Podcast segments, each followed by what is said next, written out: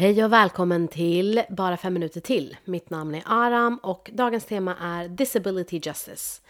Disability Justice är alltså rörelsen med fokus på funktionshinder och vilka slags förtryck som det kan innebära.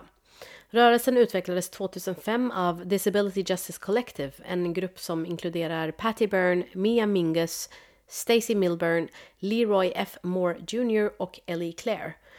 Gruppen skapade ett ramverk med tillhörande principer som rörelsen arbetar inom. Och det här ramverket består av tio principer och jag ska gå igenom ett par av dem.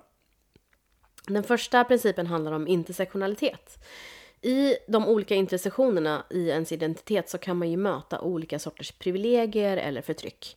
Och när det gäller personer med funktionshinder så kan, man, så kan själva upplevelsen av funktionsnedsättningen formas av eh, den, det ras eller kön eller klass eller könsuttryck eh, som man tillhör. Eh, det här är såklart viktigt att förstå i hur man till exempel mottas av vården eller i hur man mottas när man kräver tillgänglighet till olika arenor i samhället. Disability Justice-rörelsen vill till exempel uppmärksamma och förändra de sätt som ableism är kopplat till flera andra systematiska och institutionella förtryck. Ableism är alltså diskriminering av personer med funktionsnedsättning och det bygger på tron att det endast finns ett sätt för en kropp och hjärna att fungera. Och om din kropp eller hjärna inte fungerar enligt den där normen så är du alltså avvikande och därmed antas du vara underlägsen. Man antar att personer som har funktionsvariationer eller funktionsnedsättningar inte är hela människor och att de behöver fixas på något sätt. Man anses helt enkelt mindre än en person som tillhör normen. Och Disability Justice försöker helt enkelt uppmärksamma de sätt som ableism är kopplat till flera andra system av förtryck. En annan princip inom Disability Justice handlar om antikapitalism. För att kapitalism lär ju oss att vårt värde som människor ligger i hur mycket du kan producera. Men den här rörelsen är i sig antikapitalistisk eftersom den motsätter sig just det här tankesättet.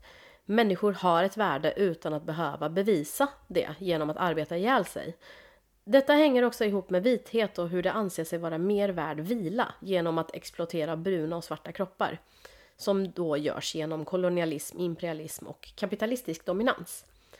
Genom andrifieringsprocesser så skapar man alltså den andra. Grupperingar där den ena gruppen har gjort sig så att säga förtjänt av sina rättigheter. Medan den andra är mindre värdig och kapabel till samma, samma mänskliga rättigheter.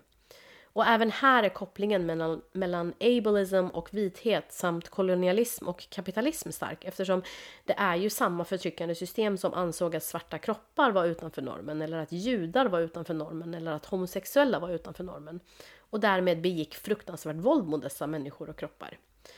Man hittar alltså grupper att förminska genom att höja så kallade normfunktionella kroppar som det rätta och andra kroppar som avvikande, olämpliga, oproduktiva och framförallt disponibla som att de som inte uppnår kraven om produktivitet eh, är därmed slit och slängbara.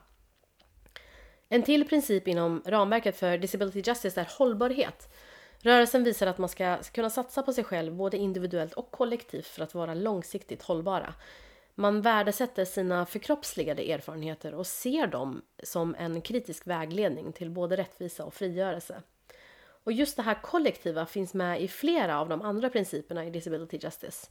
Man anser sig vara ömsesidigt beroende och att frigörelsen av alla levande system och miljön är en del av frigörelsen av våra egna samhällen eftersom vi alla lever på och delar på en planet.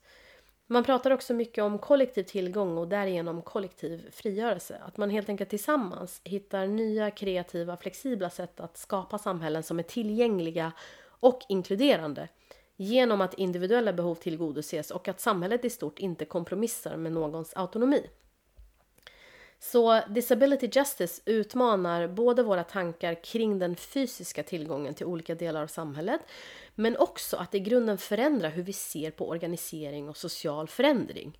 Vad gör vi med kroppar som har olika begränsningar och behov och hur erkänner vi att alla kroppar är olika och samtidigt eh, då erkänna också att vissa kroppar behandlas olika. Jag avslutar med Mia Minges ord. Disability justice has the power to bring our bodies back into our conversations. Tack för att du har lyssnat på Bara fem minuter till. Mig hittar du på Instagram där jag heter aram jajar. Ha det bra!